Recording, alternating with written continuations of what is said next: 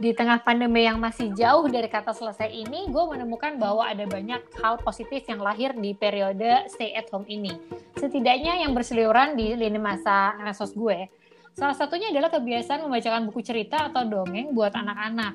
Kayaknya selain menjadikan buku sebagai medium belajar anak, banyak juga orang tua yang menyodorkan buku supaya setidaknya bisa lebih sedikit tenang lah dibandingkan dengan kalau mainan uh, games terus ya, nama gadget terus. Mm -hmm. Nah, karena anak gue juga lumayan udah ABG sekarang dan udah bisa dikasih pengertian, gue sih ngerasa nggak menemukan kesulitan untuk dia untuk baca buku.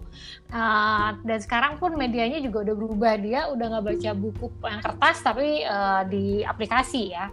Nah, tapi buat orang tua mungkin ada beberapa yang masih berjuang yang punya anak TK sama SD untuk uh, bagaimana harus membagi waktu ya karena kerja dari rumah dan kehadiran buku atau cerita untuk anak ini sih sebenarnya heaven sent banget deh untuk menyelamatkan supaya anak diem dulu ya. Betul betul betul. Kerja nih.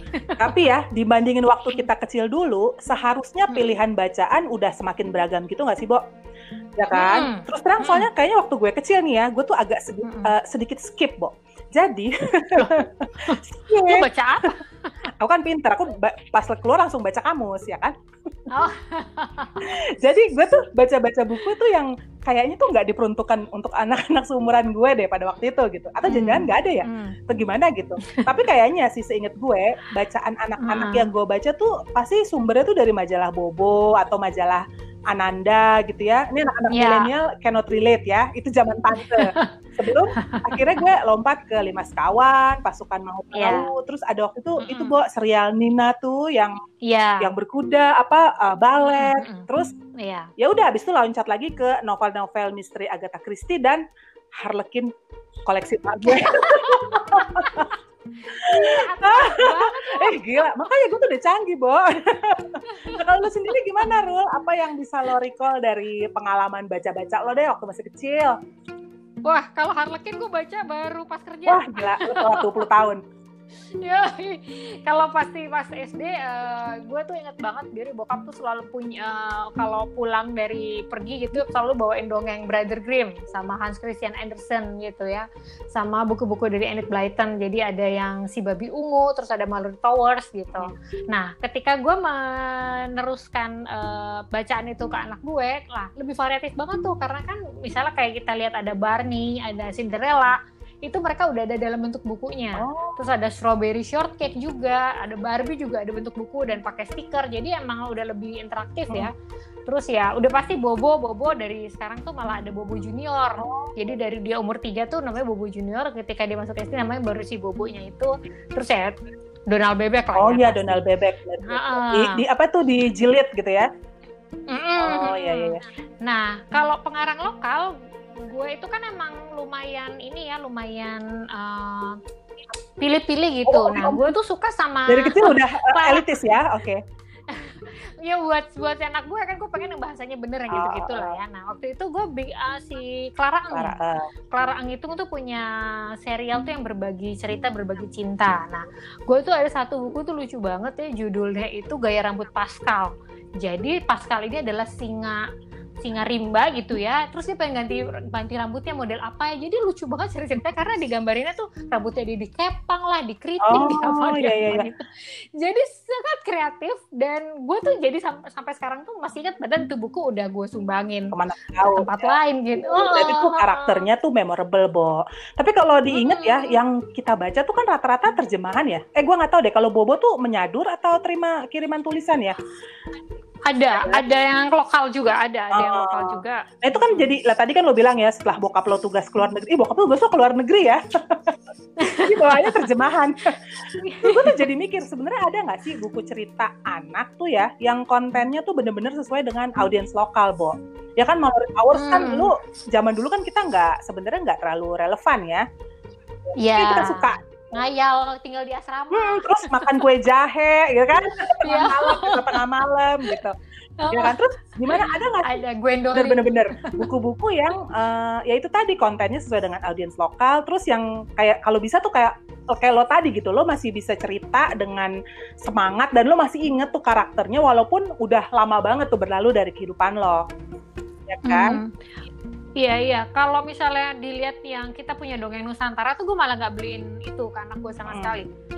Nggak tahu ya waktu itu apa karena mungkin gambarnya kurang bagus atau gimana gue tapi ya uh, gue sih kalau malahan cerita-cerita yang kayak gitu gue nggak nggak kasih ya. Tapi kalau misalnya kita bicara soal dunia gitu ya sepanjang sejarah setidaknya memang ada buku ada tiga buku cerita anak yang masuk dalam kategori best selling ada The Little Prince ya Le Petit Prince ya bacanya ya Uh, terus ada dia terjual 140 juta kopi, terus uh, tentu saja Harry Potter wow. itu J.K. J.K. Rowling kan 1997 127 eh, 120 juta kopi dan Alice Adventures in Wonderland Lewis Carroll di tahunnya 1865 wow.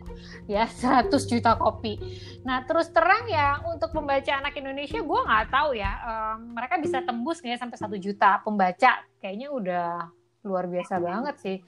Apakah emang industri uh, cerita anak ini telat lahir atau memang anak-anak gak suka baca karena orang tuanya nggak bacain atau jangan-jangan pilihannya nggak banyak. Tapi kalau menurut gue kalau ke toko buku pada masa ya anak gue kecil tuh banyak banget sih sebenarnya. Iya sih tapi kalau hmm. kayaknya poin lo tadi yang kita telat mulai itu bisa juga ya, Bo. Mungkin hmm. kan tahun 18 berapa tadi 65 dia udah bikin buku ya. Iya, masih iya, ngurusin iya. penjajah, Bo, ya kan?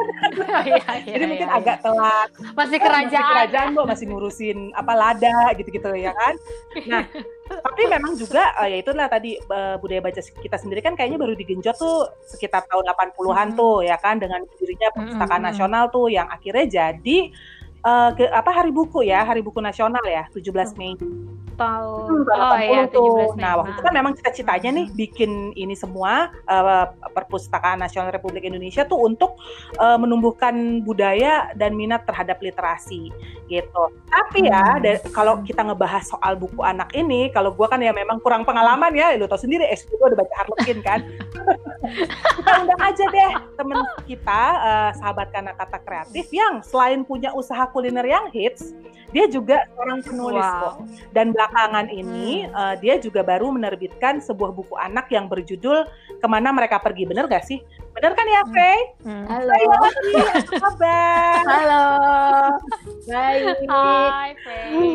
Bener kan ya judulnya bukunya ya? Ke mana Mereka Pergi ya? Iya, benar-benar itu buku anak yang baru aku bikin. Ya ya ya ya. Eve, kita hmm? langsung hmm? aja ya. Jadi tadi kan kita udah ngebacot kiri kanan ya hmm. tentang uh, buku anak di Indonesia. Yeah. Nah kalau menurut V sendiri, lo tuh ngelihat perkembangan buku anak di Indonesia tuh gimana sih? Maksudnya dari segi tadi kan kata Ruli ini apa demandnya yang kurang atau jangan-jangan penulisnya yang kurang gitu kan?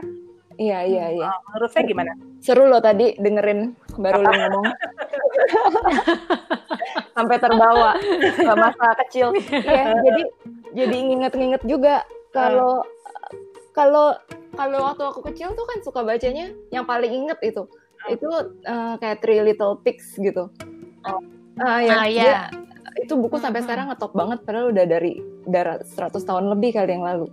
Uh, ya intinya kan karena gimana buku yang bisa diinget gitu nah aku juga lagi mikir-mikir kalau di Indonesia tuh uh, gimana ya sekarang-sekarang ini hmm. nah terus aku ke mikir lagi kayaknya lima tahun terakhir tuh memang lumayan berkembang banget buku hmm. tapi digital ya kayak sekarang kan kayak literasi cloud itu banyak hmm. nah tapi menurutku itu untuk anak yang lebih besar kali ya yang udah SD ke atas yang lebih cocok tapi kalau kayak buat anak usia dini gitu uh, mereka kayaknya agak sulit kalau suruh dibaca lewat uh, digital. Nah, kan anak kan buku fisik gitu, jadi orang bisa bolak-balik, udah gitu lihat cerita yang bisa diulang-ulang ceritanya, bisa diingat, memorable gitu. Hmm, ya gitu sih. Jadi kayaknya yang itu yang harus ikutan bersaing sama digital gitu. Oke. Okay. Hmm, hmm. Jadi kalau perkembangan buku anak di Indonesia, kalau menurutmu misalnya dibandingin dari yang tadi itu belum banyak perkembangan ya dari segi tema mungkin, dari segi um, gambar, kualitas. Uh, iya kita masih terus masih terus berkembang sih, masih harus mengejar banyak kalau menurutku, karena hmm. kalau uh, ini jadinya agak ngebandingin ya, kalau uh, ke buku luar gitu kan kayaknya uh, liar banget gitu secara imajinasi secara tema, juga ya? tema ya? uh -uh. walaupun liar itu dalam arti walaupun temanya sangat-sangat simple tapi uh, bisa jadi bagus banget gitu. Nggak hmm. perlu nggak kita kalau kita kan kayaknya terlalu ngejar um, yang moralnya banget gitu atau atau ya, ya, ya ceritanya ya, harus kayaknya sempurna complicated gitu. Padahal kalau aku lihat kayaknya hmm. yang terjadi sehari-hari sama anak pun bisa sangat uh, bisa diangkat banget. Yang simpel aja. Hmm. gitu. Asal dikemasnya yang bagus yang cakep gitu. Ya itu aku juga masih terus belajar sih. Gitu jadi concern dirimu untuk bikin buku anak karena apa? apa? Karena tidak melihat ada tadi uh, kayaknya beberapa kebutuhan anak tuh nggak nggak nggak nggak ada deh. Jadi lo memutuskan untuk bikin sendiri atau lebih ada uh, Sebenarnya sih lain? karena uh, pertama kan emang aku suka dunia anak-anak dan emang suka sama hmm. anak-anak uh, sosok anak-anak gitu karena mereka pertanyaan suka ajaib-ajaib gitu. Terus dulu ya waktu lagi hamil kayaknya kan kalau hamil suka mikir yang aneh-aneh ya. Gitu tiba-tiba. Iya. Hormon. Tiba-tiba muncul aja mimpi gitu kayak uh, pingin yang belum yang belum tercapai itu pengen bikin buku anak punya penerbitan buku anak dulu sebenarnya Uh, oh ya karena V ini basicnya juga udah pernah nulis ya V lo kan pernah nerbitin buku fiksi ya? Ya sama di pelajaran ya. Uh, sama buku uh, pernah jadi reporter juga gitu. Ya ya ya ya. Nah tapi yang belum difokusin belum didalemin waktu itu buku anak terus terus pingin ngangkat hmm. hal-hal yang sederhana gitu yang terjadi tapi hmm. uh, tapi imaj berimajinasi juga jadi walaupun bukuku judulnya ke mana mereka pergi gitu Uh, kan ceritanya tentang anak-anak yang nggak mau jaga barang-barangnya dia nggak sayang barang. Mm. Tapi uh, kalau mereka nggak mau sayang barang, uh, terus dianalogikan dengan ada peri, ada makhluk penunggu di rumah itu yang ngajak barang-barangnya itu bersenang-senang. Mm. Gitu. Itu kayak analogi. Jadi kalau intinya kalau anak nggak sayang sama barangnya, barangnya akan hilang gitu. Jadi itu ide hmm. ide awalnya itu doang sih supaya mereka menjaga barang lah, sayang apa yang di mereka punya gitu. Hmm. Ya ya. Hmm, hmm. Ya, ya. Gue jadi ingat kalau tadi lo bilang sebenarnya tema buku anak tuh bisa simpel kayak yang dibacain sama uh, Prince Harry sama uh, siapa istrinya? Megan ya? Sorry aku Meghan bukan tim Megan. Kan ngajarin anak. kok tetap kan waktu itu kan dia uh. posting tuh ngajarin apa ini rabbit atau apa dia bilang tuh ya rabbit or duck ya pokoknya gitu kan sebenarnya kan halnya begitu gue lihat lagi pas dibacain itu kan simple simple banget ya mm -hmm. gitu tapi memang ya gue ngeliat sih emang yang bener mm -hmm. sih tadi kata lo Fe kita tuh keberatan nilai moral kayaknya harus iya kadang-kadang gitu. Eh, berbuat baik. Uh, uh, sebenarnya sih moral memang kalau ada ya nggak apa-apa juga cuma jadi kemasnya jadi jangan ter, hmm. jangan menggurui kayak pelajaran ppkn gitu. Itu kan boring banget buat uh, anak gitu ya. Uh. iya iya iya, kepantesan ya gue tuh nggak bisa relate loh sama buku-buku waktu gue kecil. Karena memang gitu kebanyakan pesan moral ya nggak sih? Kan aku udah suicidal dari kecil. Jadi karena apa namanya lo memilih tema itu ya maksudnya nggak harus sesuatu yang ya itu tadi ya berarti pesan moral tapi dari sesuatu yang sederhana lo juga bisa menuangkan gitu ke dalam cerita gitu. Nah terus kan mm -hmm. uh, apa namanya uh, kadang-kadang tuh gue suka mikir gitu kenapa sih orang ya eh penulis gitu bukunya itu harus dibikin modelnya tuh yaitu tadi kenapa harus kayak dongeng gitu? Apakah mereka kurang riset? Apakah mereka pikir anak-anak sekarang tetap ber, cara berpikirnya harus kayak begitu? Atau gimana tuh Fe? Hmm, uh, kalau dongeng gitu maksudnya dongeng kayak fable atau Iya, yang yang maksudnya kayak uh, apa? Bahkan ya, gue pernah lihat buku, buku cerita anak, oh. terus di covernya ditulis gini, cerita A misalnya, dan terus plus pesan moral, terus gue kayak, oh, di depan. dan itu banyak, gue kayak, oh, oke, okay. oh begini ya. Waduh. Kan harus Iya, iya, iya. Iya. Iya. Gitu. Kenapa ya? Mungkin uh, mungkin pakem-pakem yang ada di yang ada di kita gitu mungkin hmm. mereka nggak mendobrak itu kali ya maksudnya kan kalau cerita anak tuh kayak identik hmm. dengan dongeng dengan dongeng bahkan ada ada beberapa orang yang hmm. uh, yang merasa anak itu juga mm, nggak mm, boleh terlalu dikasih imajinasi gitu oh. ya ada ada pihak-pihak ada jadi ada ibu ada ada ada yang mau ngasih anak itu hal-hal yang real-real saja, yang jelas-jelas moralnya itu segala macam. Jadi kayaknya memang kurang diangkat. Ya aku juga nggak tahu sih kalau kenapa kebanyakan dongeng ya. Apa trennya ke sana? Apa mereka nggak berani mendobrak pakem itu bawa Ah, anak-anak? betul betul. Bahwa Oh. anak sekarang tuh udah beda banget approach-nya sama zaman kita dulu ya. Mm-mm. Nah, bisa Iya. juga tuh ditaruh di cover depan plus pesan moral tuh karena meng-attract ini, Bo. Karena orang tua yang beli, orang tua kan gitu tuh hobi pesan moral ya kan? Oh. Iya. Tapi, tapi orang tua zaman sekarang mungkin udah banyak yang lebih open minded ya. Maksudnya mama-mama muda yang zaman sekarang gitu, kayaknya Hmm. udah banyak juga yang nyari buku-buku indie kayaknya karena lebih bebas aja, lebih menyenangkan, ceritanya lebih bebas. Oh, ilustrasinya lebih kece gitu ya. Lebih eh, nggak ada batasan-batasan yang eh, nggak boleh ini, eh, nggak boleh nggak boleh binatang tertentu yang masuk. Kalau udah gitu bajunya har- eh, Hmm. batasan bajunya tuh harus agak tertutup kayak gitu-gitu kan ada sebenarnya walaupun di buku anak-anak. Oh, oh, udah banyak aturan ya? Ya, enaknya kalau mungkin kalau indie mungkin lebih bebas gitu secara cerita, secara tema, secara ilustrasi gitu. Hmm. Ya, ya, ya. ya. Nah, terus menurut lo tuh kenapa sih, eh ini balik lagi ke pertanyaan eh, apa sebelumnya gitu, maksudnya kenapa sih menurut V tuh Hmm. kehadiran buku ini tuh penting buat anak-anak gitu, kehadiran buku cerita yang yang bisa mereka relate gitu Hmm. sama mereka gitu. Nah, terus ada juga nih problem yang gue lihat ya, kenapa tuh orang tua tuh kepingin banget tuh anak-anaknya eh, baca. Ini ada nih om gue dulu, kamu baca dong gitu, kamu baca baca gitu, ngomong ke ke sepupu gue gitu. Terus sepupu gue kayak, halah kayak dia baca aja gitu. nah, what we can do about it menurut V? Ah, kalau yang pertama itu eh, gimana tadi supaya Uh, uh, kenapa sih buku itu penting buat anak-anak gitu? Ah. Uh, kenapa anak-anak tuh harus baca menurut V gitu? Jadi orang tua di sana, orang tua di luar tuh juga denger gitu. Oh anak gue memang harus baca karena gitu. Ya. kalau menurutku eh, baca itu satu media, salah satu media untuk supaya anak melek literasi kan. Hmm. Nah, melek, melek literasi kan bukan berarti cuma bisa membaca gitu, membaca secara teknis, tapi eh, dengan membaca buku cerita, jalan cerita, eh, menemukan masalah dan gimana cara jalan keluar itu kayak bikin skill survive buat anak sih menurutku.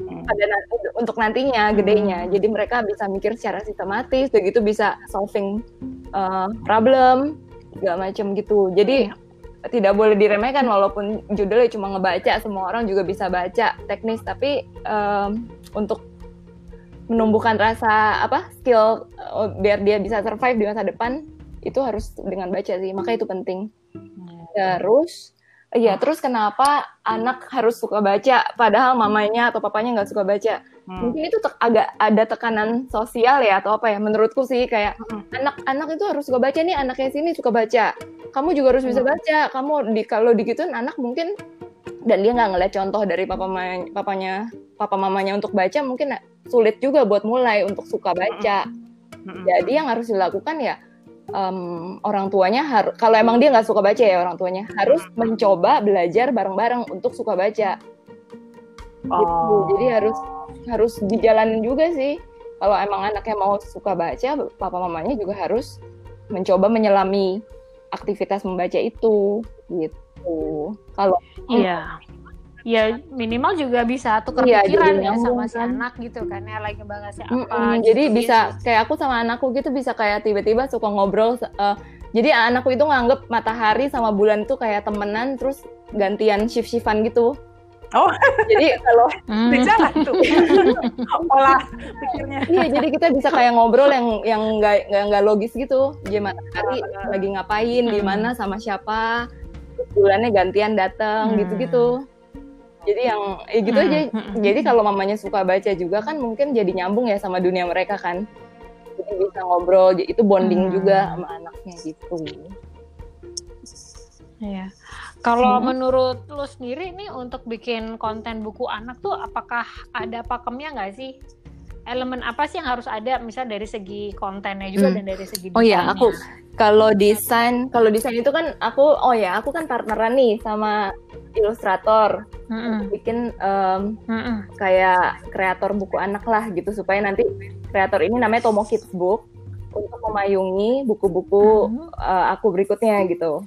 Nah, kita, nah, kita berdua Hmm. ini uh, memilih buku er, untuk early picture books yang untuk anak sekitar 2 sampai 7 tahun. Nah, yang pasti pertama hmm. ilustrat ilustrasinya harus menarik banget. Uh, dan hmm. selalu ada tokoh imajinasi di dalamnya. Jadi walaupun kita ngangkatnya uh, hal-hal yang real terjadi, tapi selalu ada kayak tokoh goibnya gitu di dalam.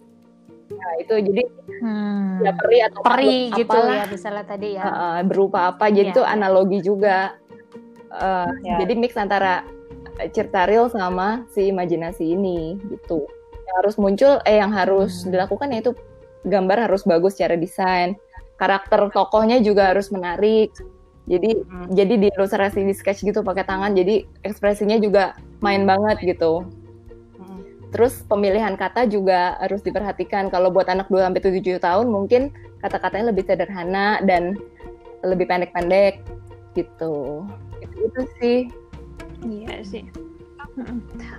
Kalau lo sendiri pernah ngebandingin gak sih sebenarnya uh, tadi ya buku luar sama buku dalam negeri kalau menurut lo tuh perbedaannya sangat signifikan sehingga mungkin lebih banyak di luar gitu ya buku-buku uh, luar misalnya kayak kemarin kan ada uh, uh. BBW tuh kayaknya buku buku anaknya tuh kan emang kayak apa ya uh. kreatif uh. banget bentuknya macem-macem pakai glitter pakai wah uh.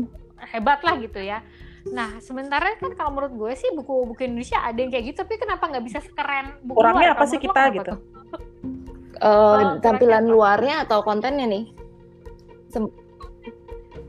kontennya itu tadi sendiri ya tadi kan kayak lo bilang yeah, kalau yeah, Indonesia yeah. mungkin tadi ya keberatan moral kalau di sana tuh bisa kayak cuma nemu kayak iya, kucing jalan-jalan yeah, yeah, aja jadi uh -huh. buku ya terus pakai baju sedikit aja uh -huh. udah jadi buku gitu kan kalau di sini kan pasti uh -huh. Iya, iya. Iya pasti pasti berat lah gitu. Kalau menurut lo apakah emang ini menjadi memang kekasan uh, orang Indonesia pengen yang berat-berat?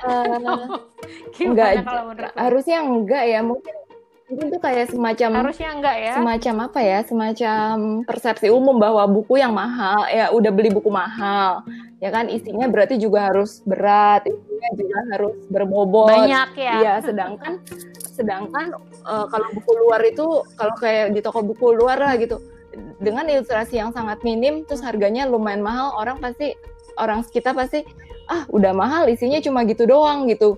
Cuma empat lembar. Iya. Atau pakai board iya kebanyakan putih apa gambarnya sedikit banget gitu. Kadang gitu. Kadang di masih dinilai uh, masih dianggapnya seperti itu kali persepsi umum harus yang berat. Padahal kan enggak gitu untuk bikin anak suka baca aja itu kan juga udah something sih menurutku. Kalau di iya kalau di luar di BBW gitu kan suka buku yang um, uh, berglitter apa menarik banget ya. Yang ya mungkin hmm. tapi mereka harganya juga bisa lebih rendah. Apa karena mereka produksi massal atau apa gitu. Ya, ya, ya. itu karena udah bukunya udah back number juga sih. Maksudnya ya. udah berapa tahun lewat. Ya, uh, ya, udah ya. lama ya Hmm. Biasanya tuh tiga tahun ke dua tiga tahun ke belakang sih ya buku kalau dari buku-buku anak si BBW itu. Cuma kalau buku anak itu kan kayak selalu relevan gitu kan ya Fe ya. Maksudnya kayak hmm. kalau dibikin tahun kapan kan uh, yeah. isunya anak-anak kan kayak gitu yeah, gitu. Yeah. Jadi hmm. relevan. Nah, tapi dari BBW itu lo apa tadi? Uh, kalau pertanyaan Ruli lo riset juga atau lo kayak studi banding nggak? Misalnya kayak oh nanti buku gue begini nih, oh yang bagusnya ini nih gitu. Uh, ada ada. Iya kalau BBW aku selalu hunting dan uh, ada sih beberapa referensi di sini kayak hmm. ngelihat uh, aku ada cerita yang tentang uh, bulan itu terbuat dari keju. Ada tikus yang percaya bahwa bulan terbuat dari keju gitu. Jadi imajinasinya sangat-sangat liar. Ya aku ngeliat itunya sih. Mereka bisa berimajinasi seliar itu. Kenapa kita nggak bisa di sini? Kayak gitu. Jadi uh, ya gitu. Aku lebih nekanin imajinasinya. Walaupun aku nggak dibalut dengan dongeng ya. Oh. Gitu. Ini karena lu tukang kue juga hmm. kali ya, lu ngeliat apa keju gitu.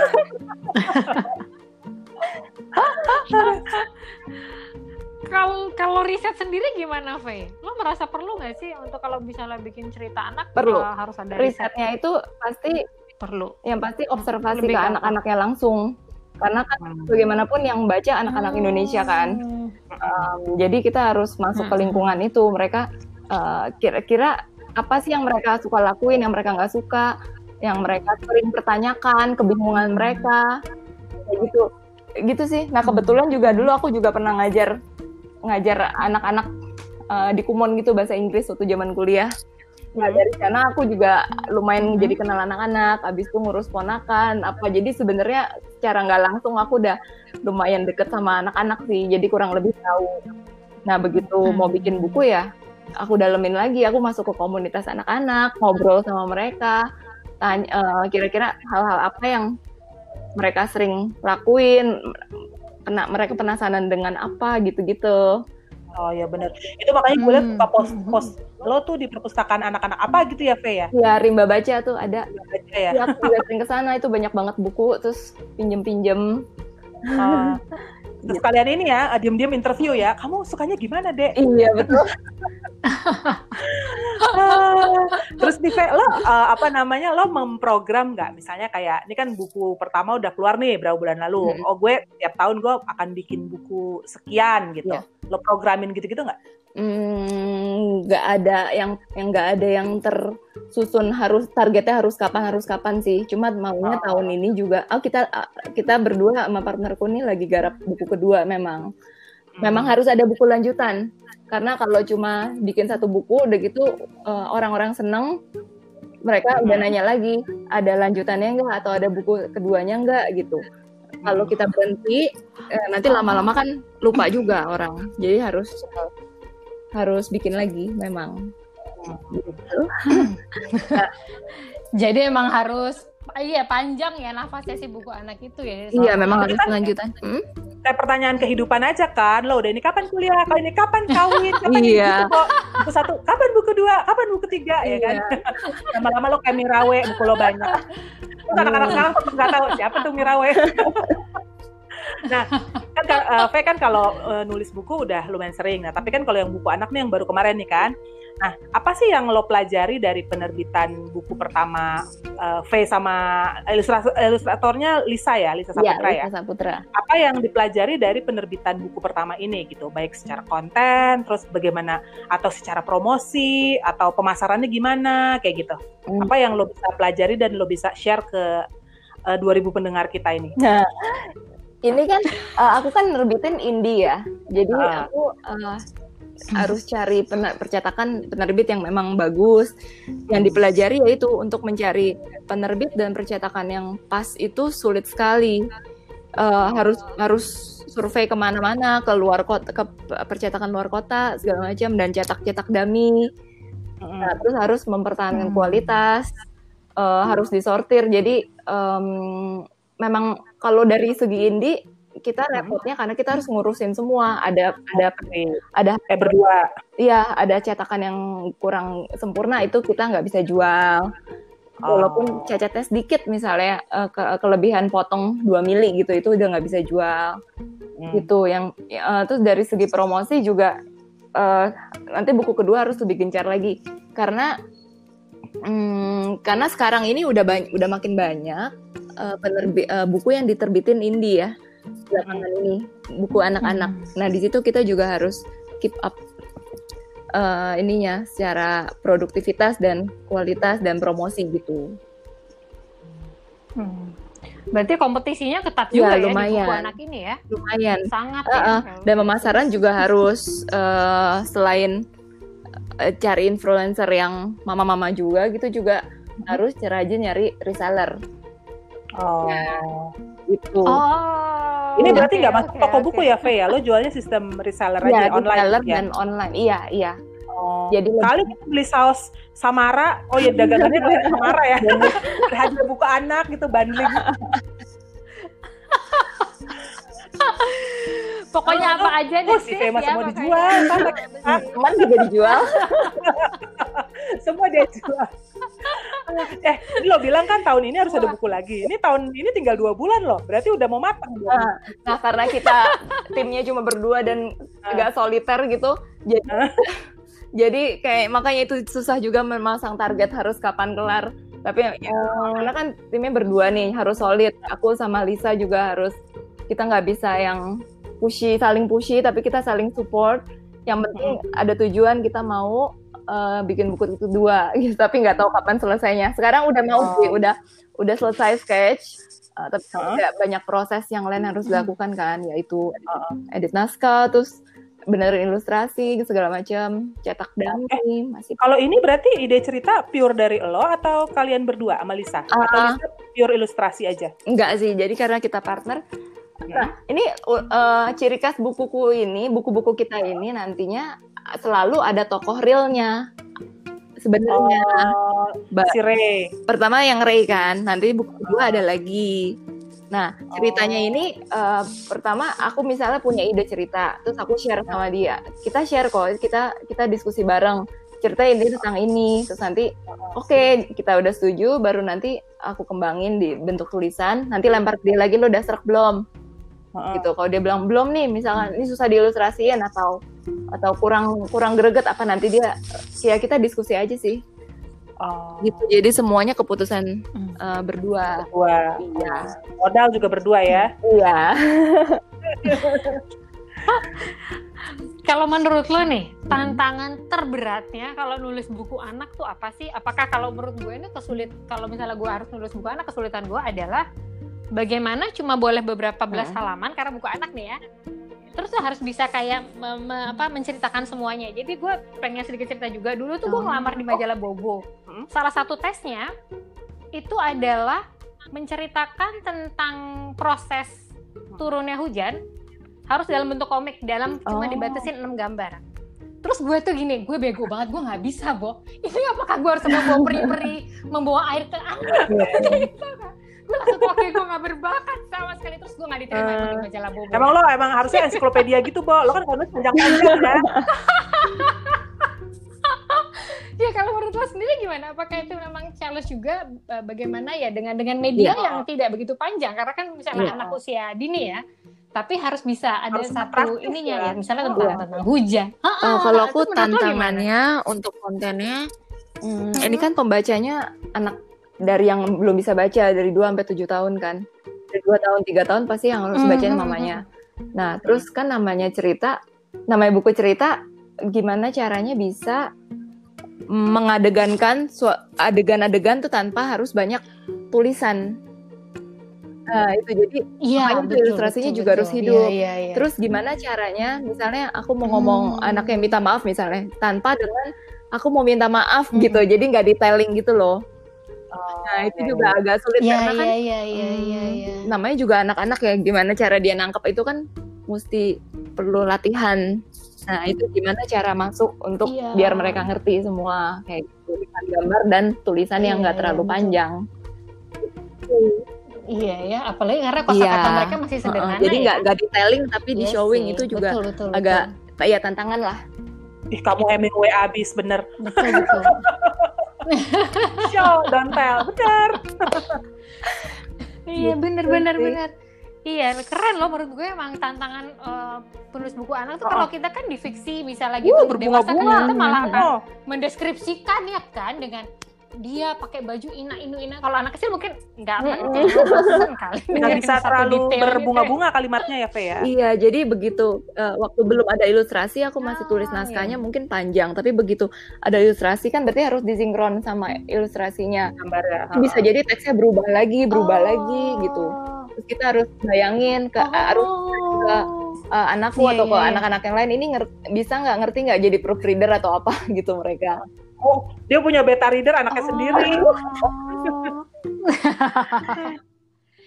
Wow, jadi berarti emang ini ya, gue gue sih jadi uh, ter, tercerahkan sih bagaimana ternyata proses pembuatan untuk buku anak itu memang sebaiknya memang ada partneran ilustrator ya sehingga akan tahu nih begini gambar ini akan menjadi cocok atau tidak atau hanya hmm. sebagai pendukung gitu. Ya ilustrator partneran menarik itu banget. mesti se sama ya Fe ya seleranya ya at least ya uh, spiritnya Gimana? mungkin sama harus sama ya. Uh, uh, kalau kalau selera Spirit. mungkin uh, beda-beda.